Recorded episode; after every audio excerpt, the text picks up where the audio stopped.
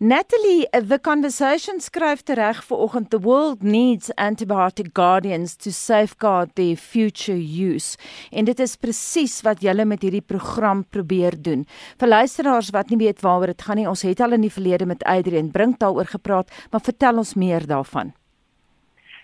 Um, in 2012 het um, die Suid-Afrikaanse antibiotika, net as jy in Afrikaans sê, het sy gerigte program is begin en dit is regtig 'n multidissiplinêre span van kenners. Maar wat ek wil sê oor hierdie program is dit sluit mense en veeartse en boere, die publiek en privaat um, sektors wat ingesluit is om regtig seker te maak dat ons antibiotika reg reg oral ter van die hospitale tot in die publiek reg gebruik.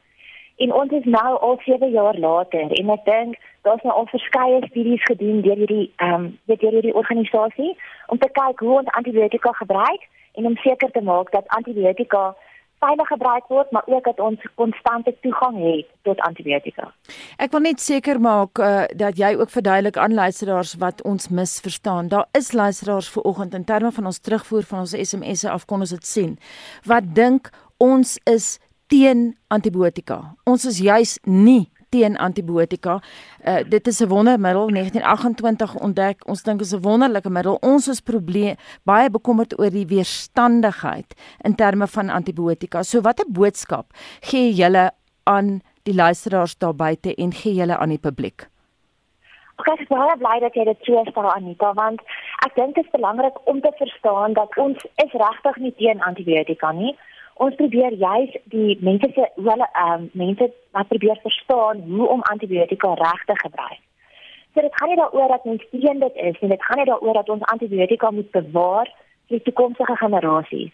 En dit sê altyd vir studente, as jy jou bloeddrukmedikasie verkeerd gebruik, dan affekteer jy net jouself. Jy is die persoon wat 'n hartaanval gaan kry en 'n beroerte, maar as jy antibiotika verkeerd gebruik, dan maak jy 100% seker dat jou nageslag glad nie antibiotika kan gebruik nie. En ek dink dit is belangrik om net te verstaan dat ons is amper in dieselfde era as voordat penicillin ontdek is. En ek ek wil dit baie duidelik maak vir luisteraars dat as ons nie nou gaan saamwerk en regtig mooi gaan dink oor hoe ons antibiotika kan gebruik en reg gebruik nie, gaan daar 'n tyd kom binnekort wat ons uh, operasies en gewone prosedures nie meer kan doen nie, want ons het nie meer antibiotika oor om dit te gebruik en om seker te maak dat daai prosedures of daai dwinte ligweginfeksie dat jy tydelik nie antibiotika voor nodig het nie, maar wat nou 'n komplikasie kan word jou kan doodmaak. sien jy dit in die praktyk hierdie effek van byvoorbeeld superkem ek wil hê jy moet uitbrei daarop Ja, ons sien dit definitief in die praktyk en miskien net om vir jou 'n bietjie statistiek te gee. Um wêreldwyd is daar 'n verslag van Jim O'Neill, hy's eintlik 'n Britse ekonom gewees wat gesê het teen 2050 wat nou ek meen dit is nou net 31 jaar weg gaan daar 444 miljoen mense doodgaan en en infeksies en antibiotika weerstandigheid gaan die leier wees van sterftes, doodkanker, deur enigiets anders en dit gaan ons omtrent 3 triljoen dollar kos per jaar om hierdie ekonomiese aan um, dit noem ekonomiese teen te staan. Want as ons nie meer antibiotika het nie, dan gaan ons ook nie meer vleisprodukte hê nie, ons gaan nie meer kos hê nie. Dit sou affekteer soveel meer as net infeksies. Maar ja, in die hospitale sien ons dit, ons sien dit veral met 'n gewone urinedaginfeksie en ek weet Jennifer gaan bietjie later met hulle praat oor gaan dit organisme se spesialis is Escherichia coli, wat jy net 'n urinedaginfeksie gee wat nou omtrent heeltemal weerstandig is teen antibiotika wat ons voor die tyd kon gebruik. So ons sien dit daagliks in die praktyk en in Suid-Afrika wil ek net ook noem dat ons praat nou van antibiotika weerstandigheid, maar in Suid-Afrika is ons ander aspekte ook waar waarna ons moet kyk en dit sluit nou byvoorbeeld HIV en TB in. So net om te sê dat in 2016 het ons al klaar 19000 mense gehad in Suid-Afrika wat totale medikasie weerstandige TB gehad het. En ja. ons hele HIV populasie is net oor die 7 miljoen mense. Baie van daai mense is ook weerstandig teenoor hulle weet hulle um, antiretrovirale virale medikasie. En dit is ook 'n deel van um, weet as mens wil praat van antimicrobial resistance, dit is ook 'n deel daarvan om enige medikasie wat jy vir 'n infeksie of vir 'n mikroorganisme gebruik reg te gebruik. So ons het ons het verskillende probleme um, in Suid-Afrika. Jy het fasite daarvan. Natalie het net nou verwys na 'n multidissiplinêre aanslag wat jy het. Dit is nou in terme van julle antibiotic stewardship program. Is dit hoekom ja. julle veeartse bywerk want jy het ook verwys na antibiotika in vleis? Ja, ons ons het veeartse en ons het ehm um, dit wildveeartse, ons het boere, ons het boere ons veearts of die boere van byvoorbeeld die verskillende aanplase soos beeste en varkboere en voëlboere ons het um ons het self pasiënte soos die mensakoser wat ons al baie daaroor geskryf het wat praat oor alle um jy weet alle belewennisse met antibiotika weerstandigheid.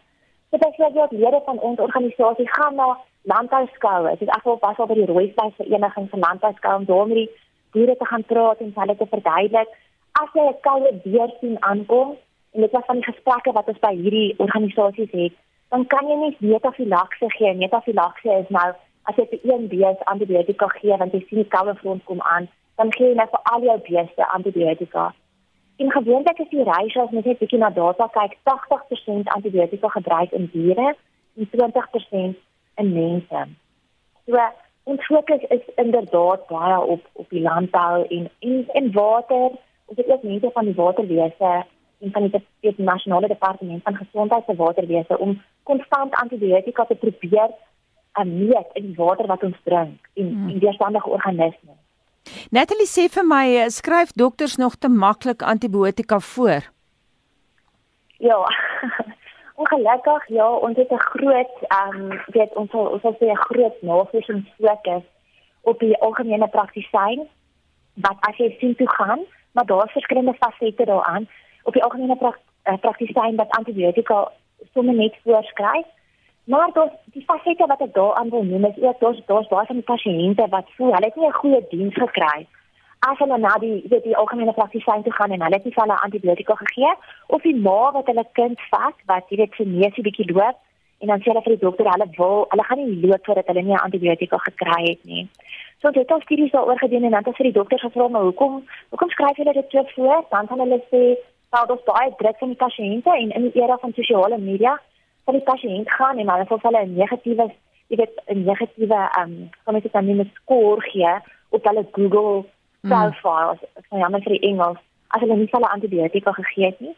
Maar Anita interessant genoeg toe met die dokters gepraat het, het baie van die dokters gesê maar die aptekers gee ook antibiotika oor die toonbank. So teen die tyd dat die pasiënt by die dokter aankom, het hulle al antibiotika gekry. Hmm. So van sosiale media gepraat, gebruik julle sosiale media programme om julle boodskap oor te dra aan Jan en San publiek? Ja, ja, ons het nou net 'n groot sosiale media studie klaar gemaak om te kyk um, ons met ons uitdaging in ons sosiale media en in Suid-Afrika oor die algemeen.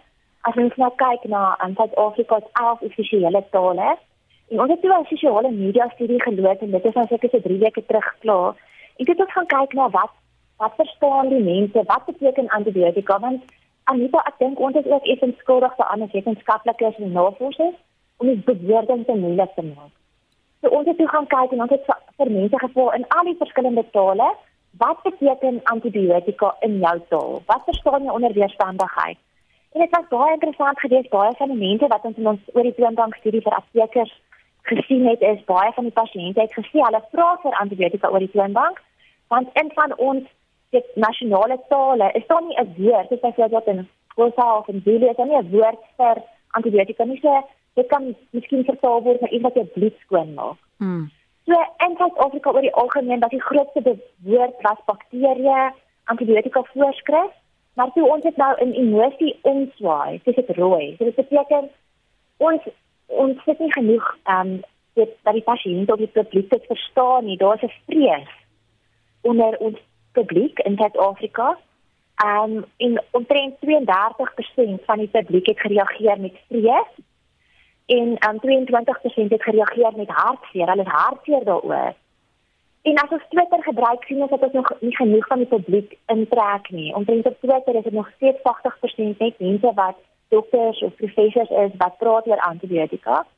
En dan die publiek wat wel oor antibiotika praat, sê goed soos, um, kan hulle alkohol byvoorbeeld met antibiotika gebruik mm. of hulle kan nie wag as hulle antibiotika kursus klaar is nie of Hulle was nou by hierdie dokter en hy het glad nie hulle antibiotika gegee nie en hulle is hulle kwaad vir.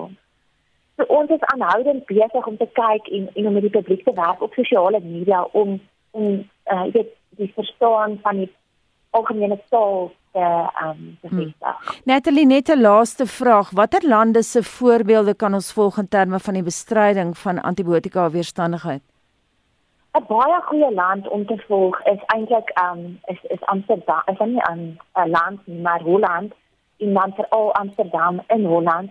Want hulle het 'n baie goeie veldslag geloop. Een van die organismes waarmee ons sukkel is Methicillin resistant staphylococcus aureus, 'n organisme wat op jou vel bly en dan het jy standig teen verskillende antibiotika, maar een van die beste maniere om hom te bestry is om jou hande te was.